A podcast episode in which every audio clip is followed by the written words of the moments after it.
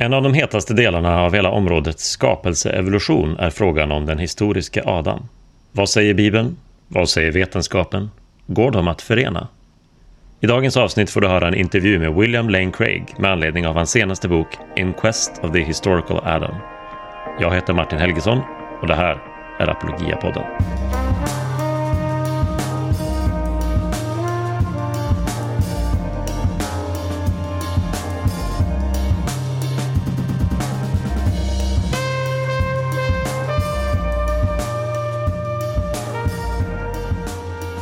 Välkomna tillbaka till Apologia-podden. Det känns eh, verkligen roligt och eh, på tiden att vi levererar ett nytt avsnitt. Det var ju såklart aldrig meningen att det skulle gå så här länge, men ibland kommer saker emellan.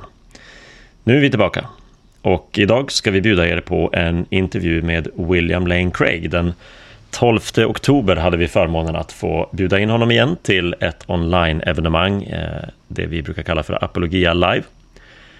William Lane Craig är antagligen någon du har hört talas om ifall du brukar lyssna på den här podden. Han är ju en av världens mest kända kristna apologeter och eh, han har faktiskt alldeles nyligen utsetts till topp 10-listorna för världens mest inflytelserika teologer och filosofer alltså två olika eh, listor, eh, där Craig kvalar in på topp 10 mest inflytelserika över de senaste 30 åren. Eh, den här rankingen är särskilt intressant eftersom den är oberoende och så att säga objektiv. Den mäter hur mycket ens arbete publiceras och citeras. Så riktigt intressant. Craig har nyligen kommit ut med en bok som heter In Quest of the Historical Adam och den handlar om en av de mest omdebatterade frågorna just nu i kristen apologetik. Eh, det är området om skapelseevolution och just hur vi ska förstå eh, de bibliska personerna Adam och Eva, de första människorna, i relation till modern vetenskap. Eh, Craig försöker i sin bok svara på tre frågor kan man säga. För det första, vad behöver jag som bibeltroende kristen egentligen bejaka eller tro på om den historiska Adam? För det andra, vad säger modern vetenskap egentligen om de första människorna? Och för det tredje, kan de här två synsätten integreras med varandra eller råder här någon slags motsägelse? Så den här intervjun du ska föra är väldigt intressant. Intervjuare är Jesper Kronhamn som själv är doktor i genetik och arbetar som studentpastor vid Umeå universitet. Och eh, efteråt får du även höra frågor från publiken och Craigs svar. Det är ju så här att när man står inför en möjlig motsägelse så är det inte nödvändigt att presentera en korrekt lösning på en gång. Ett första steg är alltid att presentera ett eller kanske flera möjliga lösningsförslag som man sen kan utvärdera. Och det är precis så Craig presenterar sin bok och eh, det han säger i den här intervjun. Det är ett möjligt förslag på hur Bibeln och modern vetenskap skulle kunna kombineras, som han nu lägger fram för diskussion och utvärdering. Om det är så att du eh, hellre skulle titta på den här eh, intervjun som en video istället så hittar du en länk till Youtube i avsnittets beskrivning. Så varsågoda, här är Jesper Kronhamn och William Lane Craig. So it's, it was my pleasure to read your book, Craig, In Quest of the Historical Adam. And I have also to, to say that uh, very much welcome back to to Umeå, even though you are here now in a digital form. uh, you were here uh, in 1999 and had two debates. One of them was with Ingvar Johansson about the existence of of God, and it was. Mm -hmm. I think it was the first time that I heard an academic debate over God's existence, and I think it was very thrilling for me to to listen to to the debate. And I realized that you have uh, debating uh, a lot of topics among uh, one of the main topics is maybe the existence of God. So, how would you view your 30 years of debating, and how, what would you say about the arguments for the existence of God? How do, how do they stand today? Over those 30 years, I have debated these arguments with the most prominent atheists and agnostics in the world. And I have to say, in all honesty, I have been really impressed at how well these arguments stand up. When I reflect on them, I sometimes just shake my head and say, wow, these are really good arguments. Uh, and so I think the case for God's existence is very robust today. And there are many young Christian philosophers who are exploring new arguments for God's existence that weren't on the table uh, three decades ago. And so the trend, I think, is continuing. Have been a great inspiration for me. But uh, now you, ha you have written your latest book, In Quest of the Historical Adam. It has been out, as uh, Martin said, for some weeks.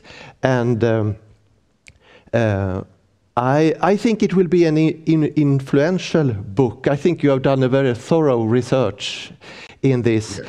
And you, you start to say in the book that no, no matter what you say or write about the early chapters of Genesis, you are in a lot of trouble with a lot of people.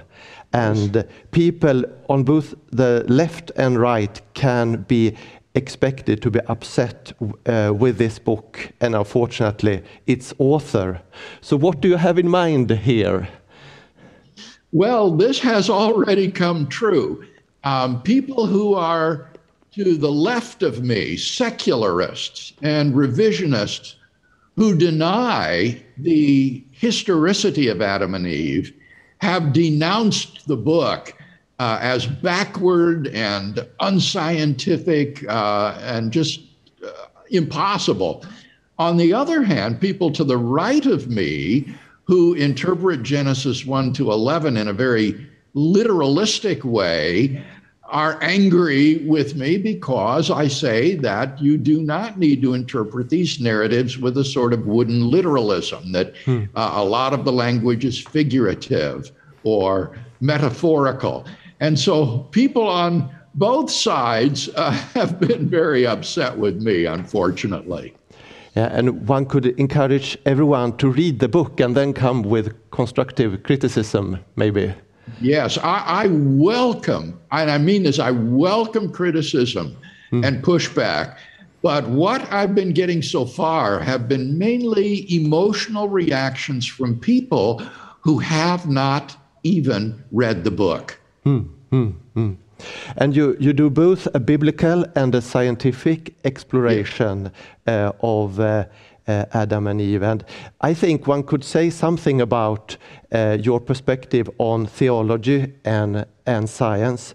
I was uh, interviewed by a journalist here in Umeå, and when he realized that I both has a, had a PhD in genetic, genetics and was a pastor, he called me for a walking contradiction. so oh. ob obviously he, he thought that theology and uh, science was not compatible at all. Yeah. So, yeah. what is your view on uh, the interaction uh, between science and theology?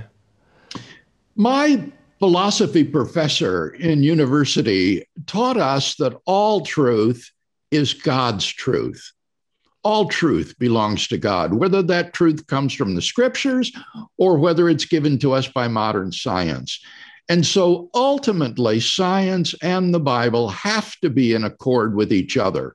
And so when we find an apparent conflict, we need to try to work hard to review whether we're interpreting the Bible correctly and to uh, make sure that we have understood the scientific evidence correctly. Ultimately, I think these must be in accord with each other. You start your explore, exploration uh, with uh, the biblical questions and, and you take the scientific ones mm -hmm. afterwards. Any thoughts behind that? Thank you for noticing that. That is a very important methodology in the book.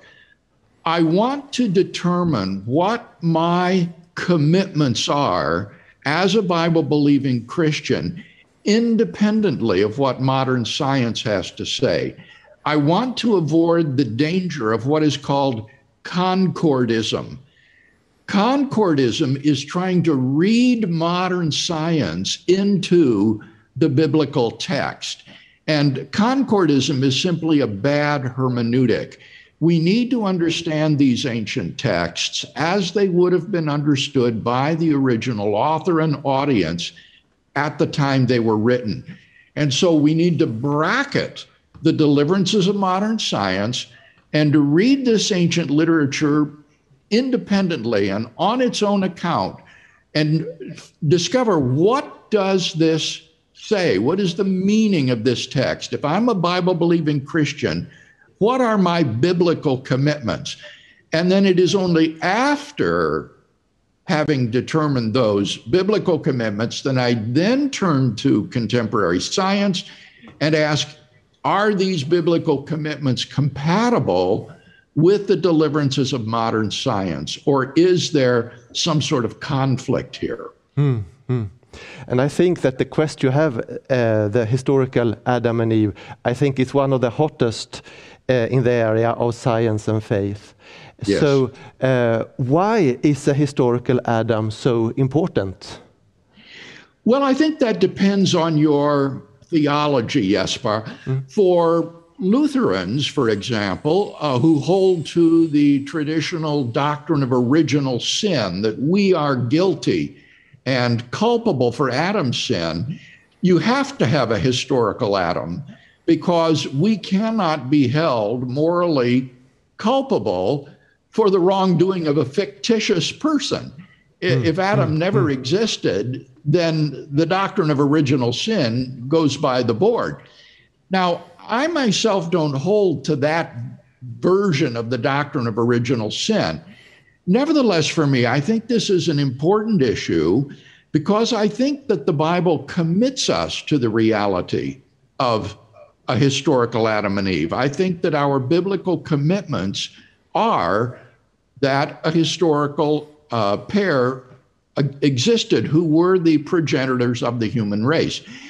And if you say that the Bible is wrong in teaching that, then you're going to have to revise your doctrine of inspiration in some way hmm. so that the Bible can teach error and yet still be inspired by God. And you're going to need to revise your Christology in such a way that Jesus can be divine and yet still hold false beliefs because it's clear, I think, that Jesus did believe in a historical Adam and Eve. And so, if you deny the historicity of Adam and Eve, I do think this will send serious reverberations through your theology that would force some rather unpleasant revisions uh, that we ought rather not want to make. Mm-hmm. Is it as serious as uh, Mm, if you if we compare with what Paul says in 1 Corinthians 15, when he said that if Christ wasn't uh, resurrected, uh, mm. our faith is in in vain. Is it the same if Adam didn't exist? No, not uh, not anywhere even near that. Yeah, it's not nearly as central and and important. You can deny the historicity of Adam and Eve uh, without being a heretic or losing your salvation. Um, you will just need to revise in a serious way your doctrine of inspiration, uh, your Christology, and I think the doctrine of original sin. So it has these reverberations, but it is not a central doctrine of the Christian faith. Mm-hmm. And I think that one of the most basic question, maybe the most basic question to understand this text is to realize what, what type of a text we have in front of us. Yes. So what type of a text is the first three chapters in Genesis? And you have spent a great part of your book analyzing this text, and your conclusion is something that you called mytho-history, that mm-hmm. is Genesis 1 to 11. So could you please explain mytho-history? Yes. I want to emphasize that it's not just Genesis 1 to 3, yeah. but the whole of the primeval history, Genesis 1 to 11. I think one of the weaknesses of many treatments of Adam and Eve is that they isolate chapters two and three from the rest of the primeval narrative. And therefore, they do not get, I think, a convincing literary analysis of these chapters. When we take Genesis 1 to 11 as a block, as a whole, this primeval history, I think, plausibly uh, should be classified as mytho history. Now, what is that? Well, history is a narrative of real people that actually existed and real events that actually occurred.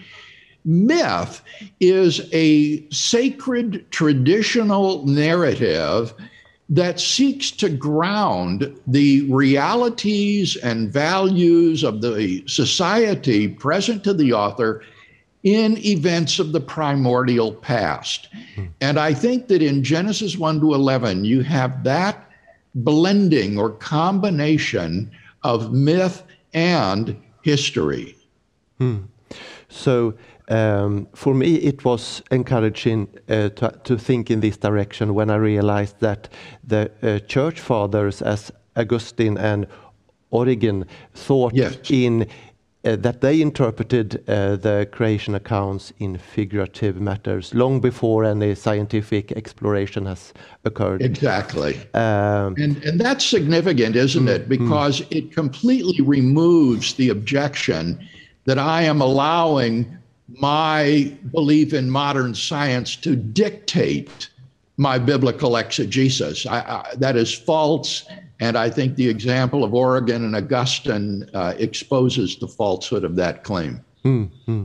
So, given that it is mythohistory, uh, how would we uh, read the text if we have the, the garden? Do you think it was a real garden there? That is the next significant question to be addressed. Given that this is a correct analysis of the genre of Genesis 1 to 11, how you interpret it?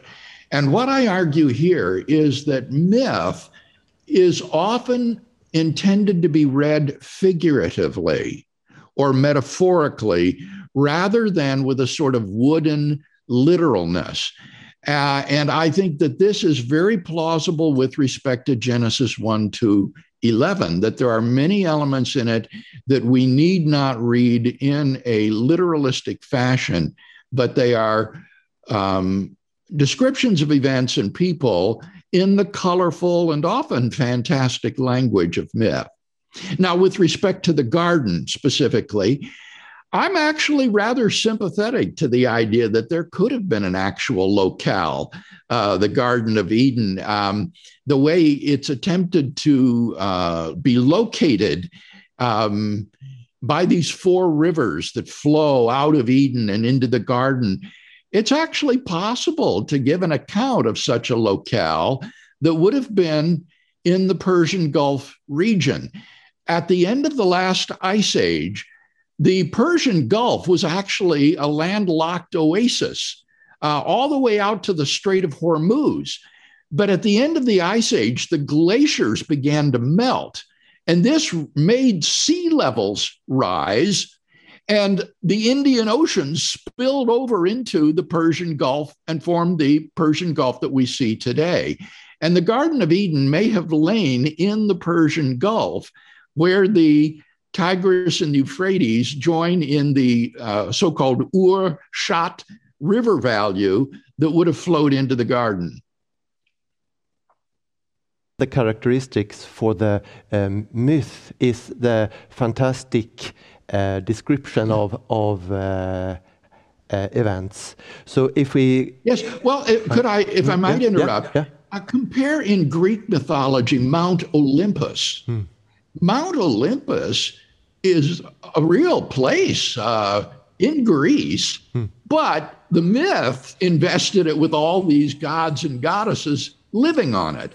And in a similar way, it could be that the Garden of Eden is an actual locale that was known to the author of the Pentateuch, but that the stories that he tells there are sto- told in the uh, colorful and figurative language of myth. And so you have things like these magical trees that impart immortality or knowledge of good and evil. If if their fruit is eaten, you have the talking snake that tempts the man and the woman. Uh, and it may be that these uh, are mythical elements in the telling of the story. Mm-hmm. Uh, one, uh, per, one question that I think is relevant to this perspective is that if, if we add a lot of millions of years uh, before the creation of man, and God mm. says to the creation that it's created good, how would you explain that God see this as good, even though you have sickness and death there long time before? Now, it's important to see that this is not a question that is addressed in this book. You're raising yeah, yeah. a philosophical question about the problem of natural evil. Mm, Um, and I would say that God knew that uh, permitting animal predation and death was overall good for the flourishing of an ecosystem on this planet into which human beings could be introduced and the drama of salvation played out. So I would say that all of this is preparation for the uh, advent of man and, and God's plan of salvation to bring people into relationship with Him. And, and He knew that this was a good way to do it. Mm-hmm.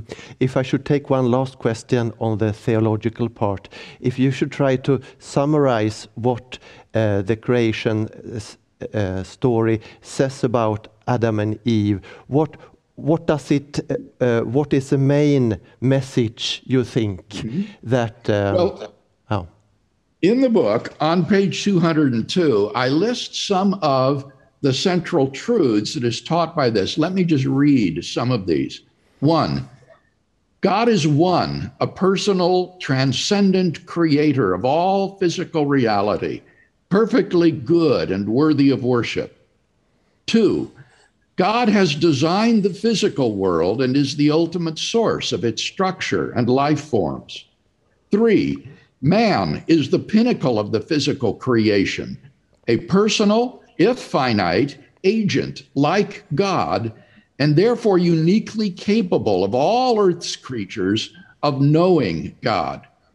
Four, mankind is gendered, man and woman being of equal value, with marriage given to mankind for procreation and mutuality, the wife being a helper to her husband.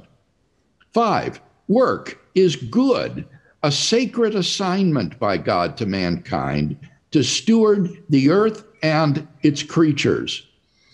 Man, eight, uh, man and woman alike have freely chosen to disobey God, suffering alienation from God and spiritual death as their just desert, condemned to a life of hardship and suffering during this mortal existence. And I also then uh, list a number of other of the central truths, but those would be hmm. some of the central truths of Genesis 1 to 11 with respect to Adam and Eve. Yeah, yeah. And uh, the second part of the book, you, you, uh, you are trying first to find uh, the first human beings and to be yes. able to find uh, the first human beings uh, we have to ask the question what is a human being what are we searching yes. for so what yes. what is a human being yes and my approach to this is very interesting rather than trying to give a set of necessary and sufficient conditions for being a human being I say we look to ourselves hmm. as hmm. paradigms of what a human being is. Rather than trying to define human, we look to what a paradigm of a human being is, namely ourselves.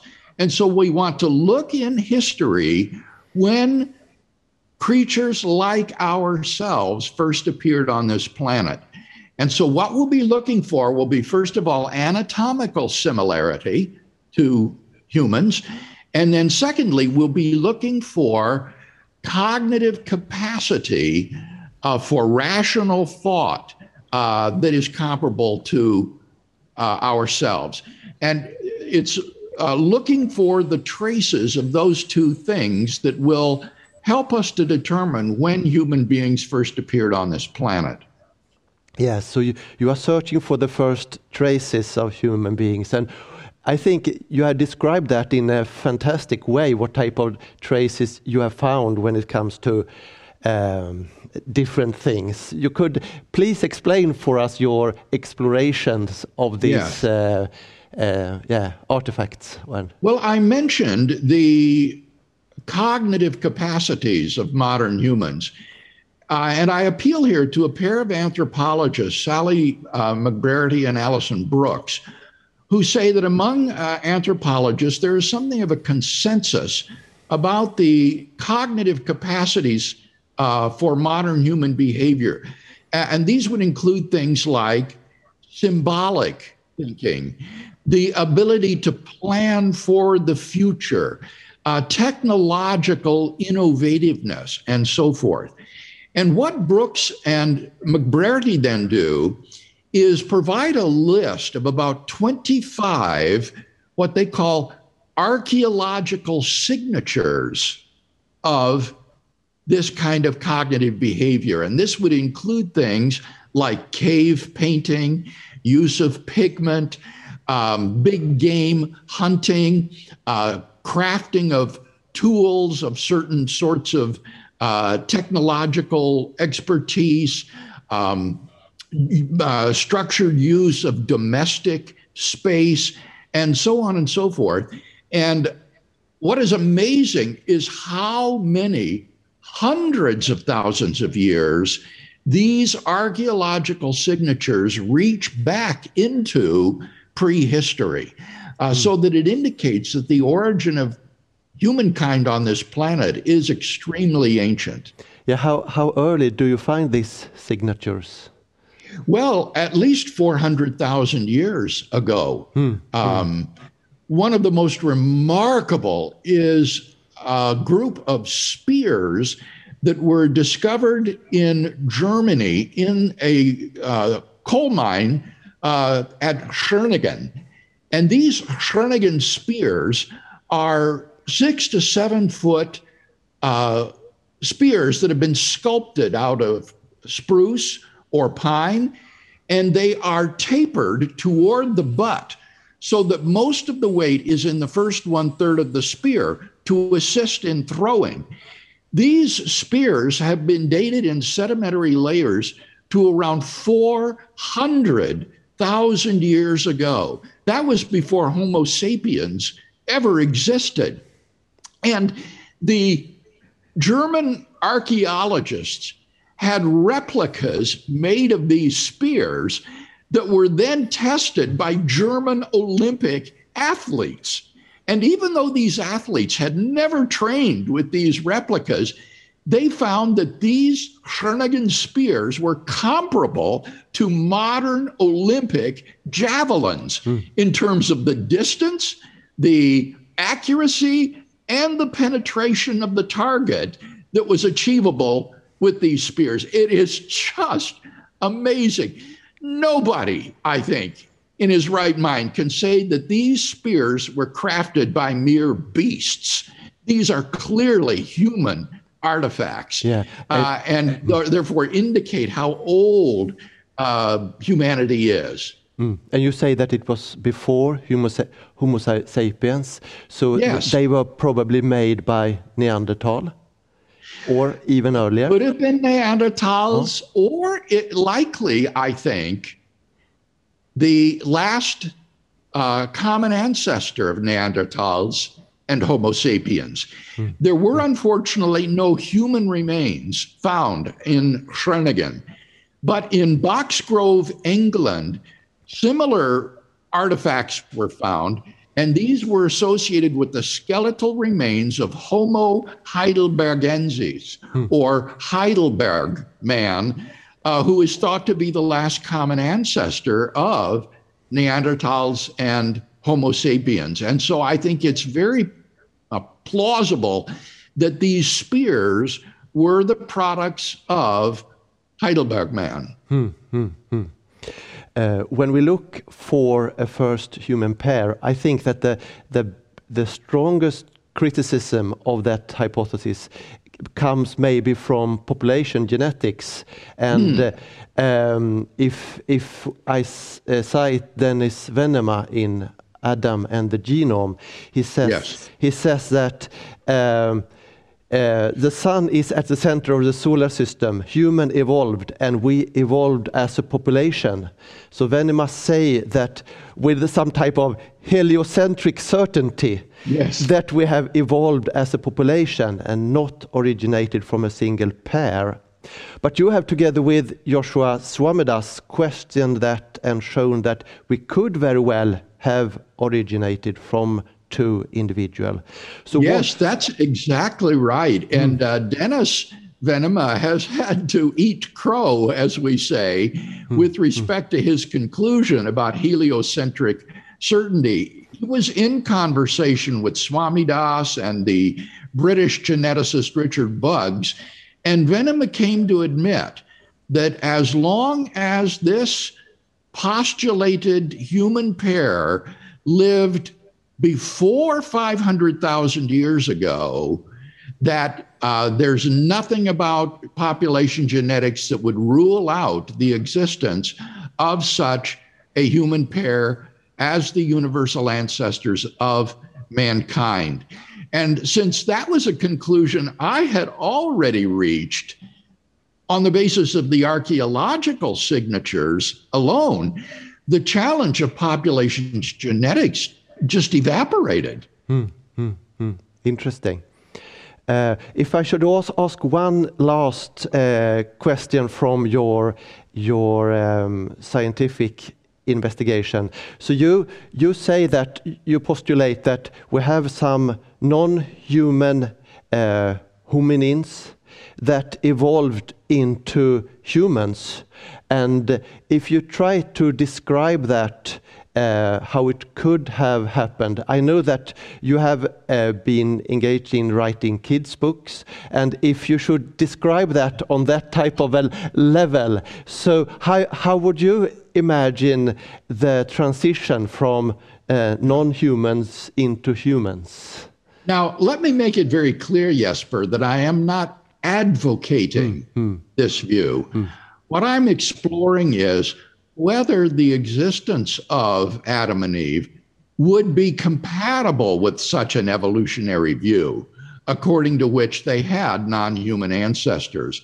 And I think it is quite compatible. What you would postulate is some sort of a biological and spiritual renovation in a pair of non human hominins um, that would lift them to the threshold of humanity. This would involve probably some sort of uh, genetic regulatory mutation that would result in uh, a radically increased uh, cognitive capacity in the brain. And then I think also it would involve the infusion by God of a supernatural soul into that hominin. Um, I'm a body soul dualist, and I defend that view in the book and would say that the first human beings involved, first of all, the, this biological renovation uh, that made their central nervous system capable of sustaining rational thought and, and um, deliberation, and then the infusion of a rational soul by God into that body. Yeah. So you say that this is a possible or plausible uh, explanation that isn't Yes, I would say that. uh, that isn't told in Genesis, but is in harmony what what what we find there. Yes. Yes. And it would also be in harmony if someone wants to believe that God made Adam and Eve out of the dust of the earth, uh, de novo. That, that would also be compatible. So I'm not advocating for one view. I'm simply saying that uh, there's nothing about the deliverances of modern evolutionary theory that rules out um, a primordial human pair who are the ancestors of mankind. Thank you very much for this conversation, Bill. And uh, I think we will open. Ja, det där var vår inledande intervju med William Lane Craig och eh, så här lät det när han svarade på publikens frågor på det här ämnet. Okay Bill, are you ready? I am. Excellent. Well, the first question is Does Craig think of it as a problem that it would be 600,000 years between the uh, uh, fall and Abraham?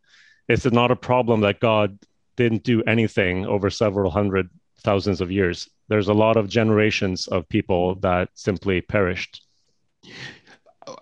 I think that Christ died for all of those people and that salvation is available for those people as well.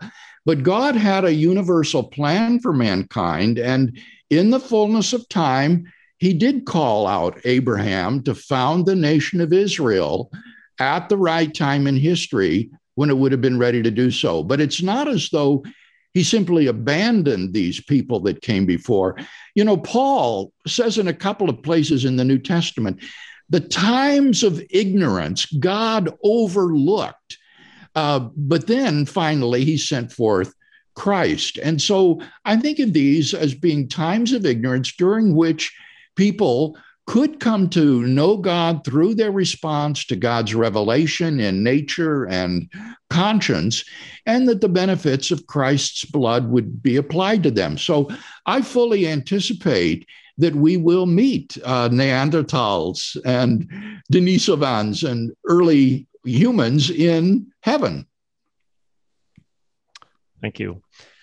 Um, okay, next question. If Adam and Eve are genealogical and not unique ancestors of all humans, and there were people outside and before the garden it is possible to place Adam and Eve more recently. Yes. What are your reasons for thinking that Adam and Eve should be placed so far back in time and that there were no people outside the garden? Yes, this is the key difference between my proposal and Josh Swamidass's proposal. He has a recent genealogical Adam. I have an ancient genealogical Adam. And I give three reasons as to why I think the ancient view is better. Um, number one, the whole purpose of the primeval history is to express God's universal interest in mankind, all human beings who have descended from Adam and Eve, not just an elect pair that he only recently selected a few thousand years ago. Um, otherwise, Old Testament scholars have asked why not just begin the book of Genesis with the call of Abraham? If that's God's purpose, it ought to stop there. But the appending of this primeval history as a prefix to the calling of Abraham and the foundation of Israel is an expression of God's universal interest in all human beings and not just in a select couple and their uh, descendants. Uh, secondly, when you compare the uh, origin account of humanity in Genesis 2 with ancient Near Eastern myths like the Atrahasis epic and others, it is always uh, an interest in the origin of humanity as such that is expressed in these myths. This is a very, very common mythological motif. Where did humanity come from? And so I think that as uh, an Israelite uh, myth, it's trying to answer the same question where did humanity come from? But it gives, of course, a very, very different answer. And then the third reason I would give is that the test, text explicitly says this there's nothing in the text about people outside the garden. On the contrary, it says in Genesis 2 there was no man to till the soil uh, until God created Adam out of the dust of the earth. And it says, There was found no one to be Adam's helper until he created Eve out of his side. And then she was called the mother of all living. So the narrative read at face value is about the origin of humanity, not the selection of a single couple out of a wider population of people alive at that time. Okay, thank you. There's one uh, question here that could serve as a, a, quick, or perhaps quick follow up. Uh, who was Cain's wife, in your view? Uh, that is the only shred of evidence for people outside the garden. It is, I don't think you can base a theory on such a slim read as where did Cain get his wife. I imagine that what the author of the Pentateuch has done here is combine different traditions that aren't always exactly consistent with each other. We see that with Genesis 1 and 2 with regard to the creation of the animals and the vegetation and man. There are these inconsistencies. And similarly, if the story of Cain and his wife was originally an independent tradition, which he's then put together with the story of Adam and, and Eve and the fall, um, you could get those sort of apparent inconsistencies. And the author of the Pentateuch isn't worried about ironing these out because uh, mytho-history doesn't require you to give something that's entirely consistent. In any case, if you did press the Pentateuchal author as to who this woman was, it, he probably would say, well, it was Cain's sister. He, he married one of his own family members. Uh, and I think that would be unproblematic. But I think it would really, really go beyond the evidence to say, on this basis, that there are other people outside the Garden of Eden.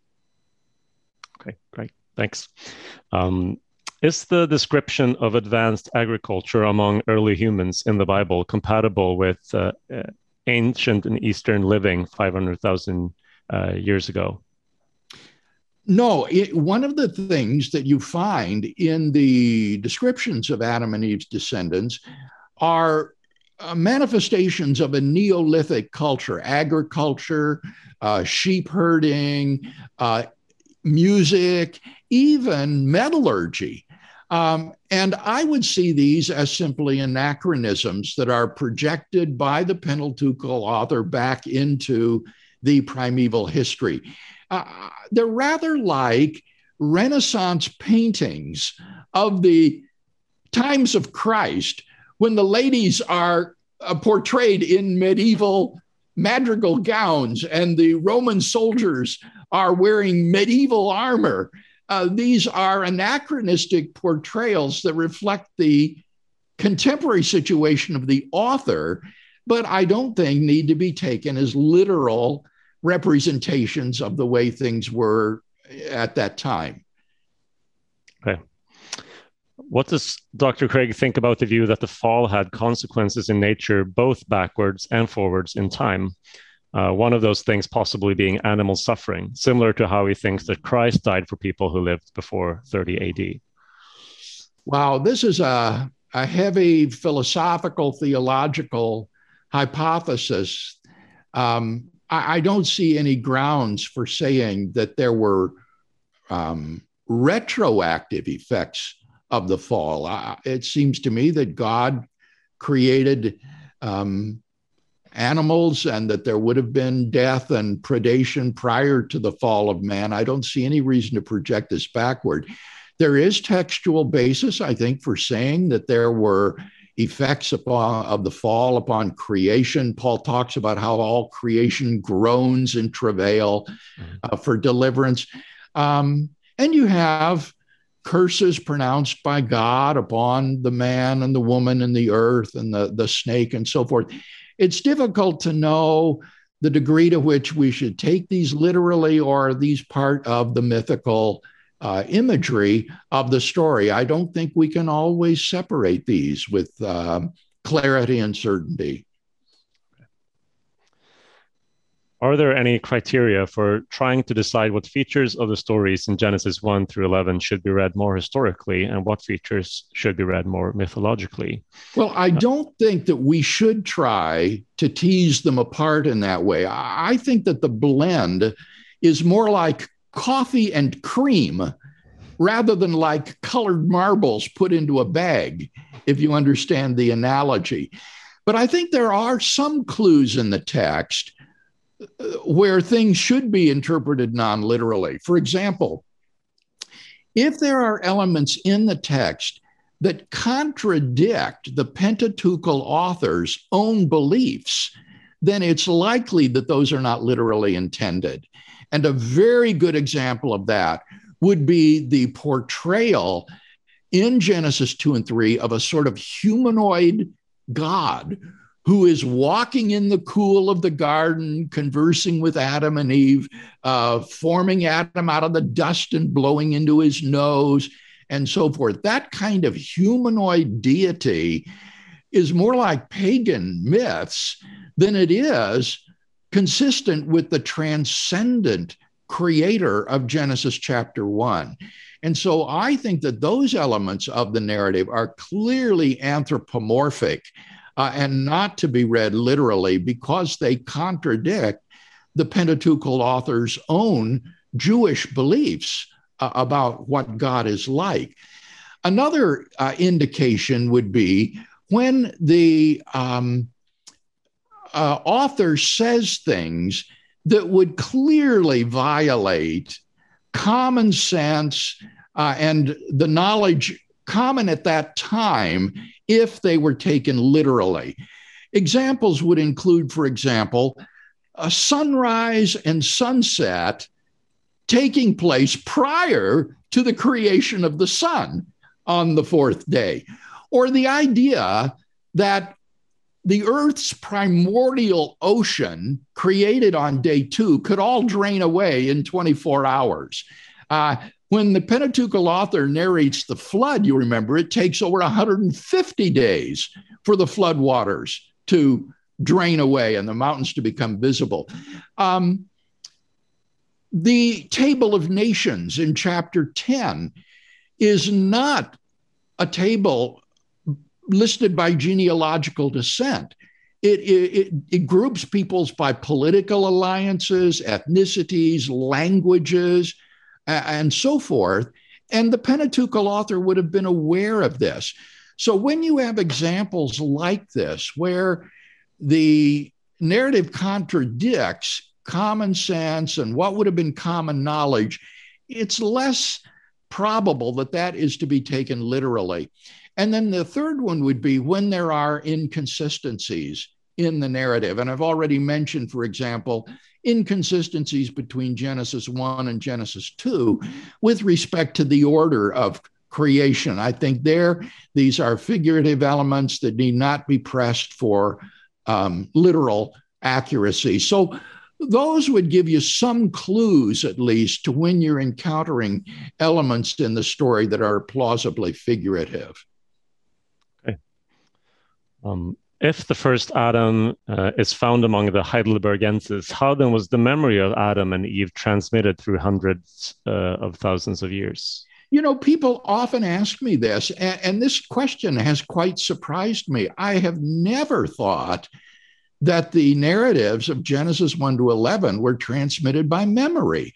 I, I mean, obviously, they are Israelite tradition, but I don't think these things were handed down from Adam and Eve, and that's how they got there. I take it that the author of Genesis 1 and, and following was inspired by God to write what he did, and that we shouldn't think that he was the recipient of some sort of a, a tale that had been handed down all the way from Adam and Eve to him. Would you, um, this is my own follow up to that, would you draw the line between what was directly, so to speak, inspired and what was um, traded down uh, as a as a tradition by memory at well, chapter it, 11 and 12? Here we get into theology again. What 2 Timothy 3:16 says is that all scripture and by that he meant the Old Testament. All scripture is inspired by God and is therefore profitable for teaching and for correction uh, in doctrine. And so it is the final text that we have before us that is literally God breathed, that is inspired by God, and therefore valuable for teaching and correction. And earlier I mentioned to Jesper some of those central teachings that we learn from Genesis 1 to 11. So there is no differentiation within the text, however the text came to be formed, whether by oral tradition, whether by written documents, whether it was just written by the author, however it came to be formed, inspiration is a quality of the final text, the Pentateuchal text that we have before us. Okay, thanks. Uh, have modern dating techniques become very accurate, or could they still be off a few hundred thousands of years? You know, they could be off tens of thousands of years, perhaps, but it wouldn't affect any of the conclusions in this book. Uh, there's no way you're going to bring humanity into the last 10 to 20,000 years ago. The, the dating by all of these different methods would have to be over 99% inaccurate. Uh, and that's just completely implausible uh, in order to do such a thing. Okay. In Genesis 18, Abraham is visited by the Lord. Many ah. theologians, have, uh, for example, Irenaeus, have interpreted this passage to mean that the pre incarnate Son is visiting Abraham. Mm. Is there anything that precludes us from interpreting Genesis 3 in a similar way when it speaks about the walking of God? Yeah, I don't think there's any basis at all for thinking that in addition to his incarnation in Mary's womb, that the second person of the Trinity had another incarnation. Uh, in Genesis 3. There's just no theological basis for that at all. Now, what you do have in Genesis 18 that one could talk about would be these theophanies of God, where God appears to people like Abraham in human form. Could Genesis 2 and 3 be describing a theophany? And I argue in the book that that's improbable on two grounds. First of all, Genesis 2 and 3 doesn't have the language of theophany associated with it. It's not about how then the Lord appeared to Adam and said, uh, et cetera, et cetera. These don't have the language of a theophany. Second reason is God has this physical form in Genesis 2 and 3, even when he is not appearing to Adam and Eve. For example, when he creates Adam out of the dust of the earth and breathes into his nose the breath of life, Adam isn't conscious. He, God isn't appearing to Adam at that point. When God creates Eve out of his side, he puts Adam to sleep. He anesthetizes Adam. So that again, in that case, it is not an appearance to Adam. And so I don't think it's legitimate to retroject theophanies back into chapters two and three. I think it's much more plausible to think that what we have here is the anthropomorphic language of myth. Okay. Um, let's see here. We are soon coming up on time, so I, I need to think about what questions we should uh, uh, conclude with. Uh, how about this one that has to do with the response to your book? Uh, why do you think you've had emotional responses from people that haven't read the book? What's so sensitive about this topic? People are deeply invested in this. People on the right, I think, feel very insecure uh, about their belief in Adam and Eve and Noah and the ark and the Tower of Babel. I think they know that interpreting these passages in a literal way is in massive contradiction with modern history and linguistics and science. Uh, and, and, so I think there's a really emotional reaction to anyone who says we don't need to read these literally. On the left, these secularists are so emotionally and adamantly opposed to God being involved in creation and for the Bible being his word and revelation to us. They want to do everything they can to discredit the Bible. Uh, and so, if they can show that it's impossible for there to have been an original human pair, uh, they will be delighted to do that. And, and so, you have people on both the right and the left who have never read the book, but who are just having what we call a knee jerk reaction rejecting the conclusions that they don't like. Now, um, I was uh, just earlier today. I listened to uh, uh, one uh, a recent episode of your podcast, and you mentioned how perhaps this book is not for everyone. Would you say Yeah. something about what's what your intended audience is? Who who would you want to read this book? And and for those who uh, do read it, who perhaps are um, persuaded by your conclusions, how what what should they consider as they maybe share your conclusions? Uh, Yes.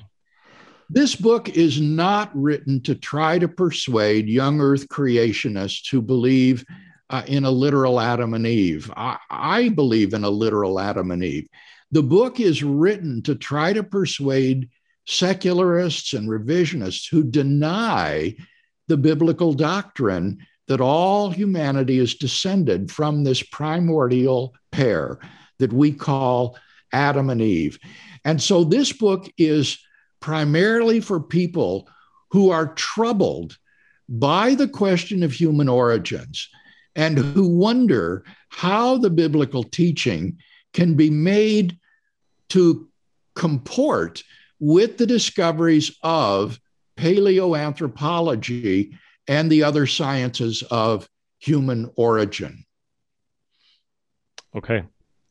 Well, great. Um, we are coming up on on time here. Oh, okay. Uh, we have uh, one question from Umeå.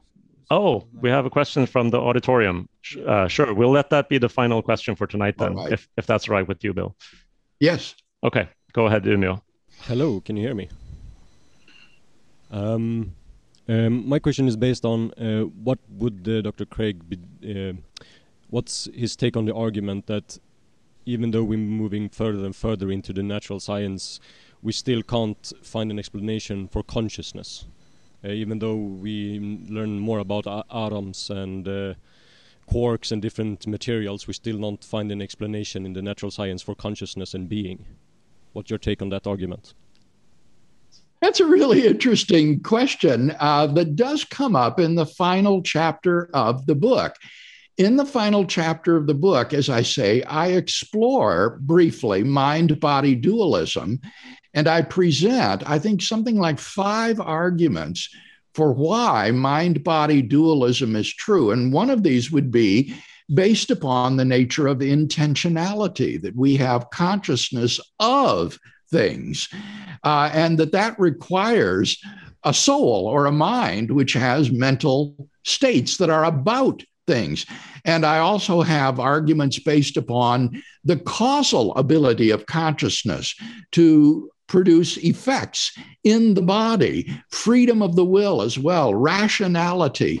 All of these, I think, require that there be a soul or a mind that is distinct from the body and that is the key factor that makes us human. Uh, to be human is to be a rational soul in a hominin body. Okay. Well, uh, I think that concludes our, our Q&A, and it's been a pleasure as always to hear you uh, speak, Bill, and to hear you interact with these questions. So I want to extend a, a warm thank you for being with us today, and uh, thank you for the work that you do. I want to uh, pass on to the audience that if you would like to follow Dr. Craig's work, you can, uh, of course, simply Google his name or the name of Reasonable Faith, uh, which is Dr. Craig's organization and, and an excellent podcast to listen to. Uh, Well, I'm very grateful, Martin, to you and to Jesper for having me on the uh, program today. And I want to say uh, a special thank you to all of the brothers and sisters and friends in Umeå that have joined us today as well. It's, it's been a pleasure.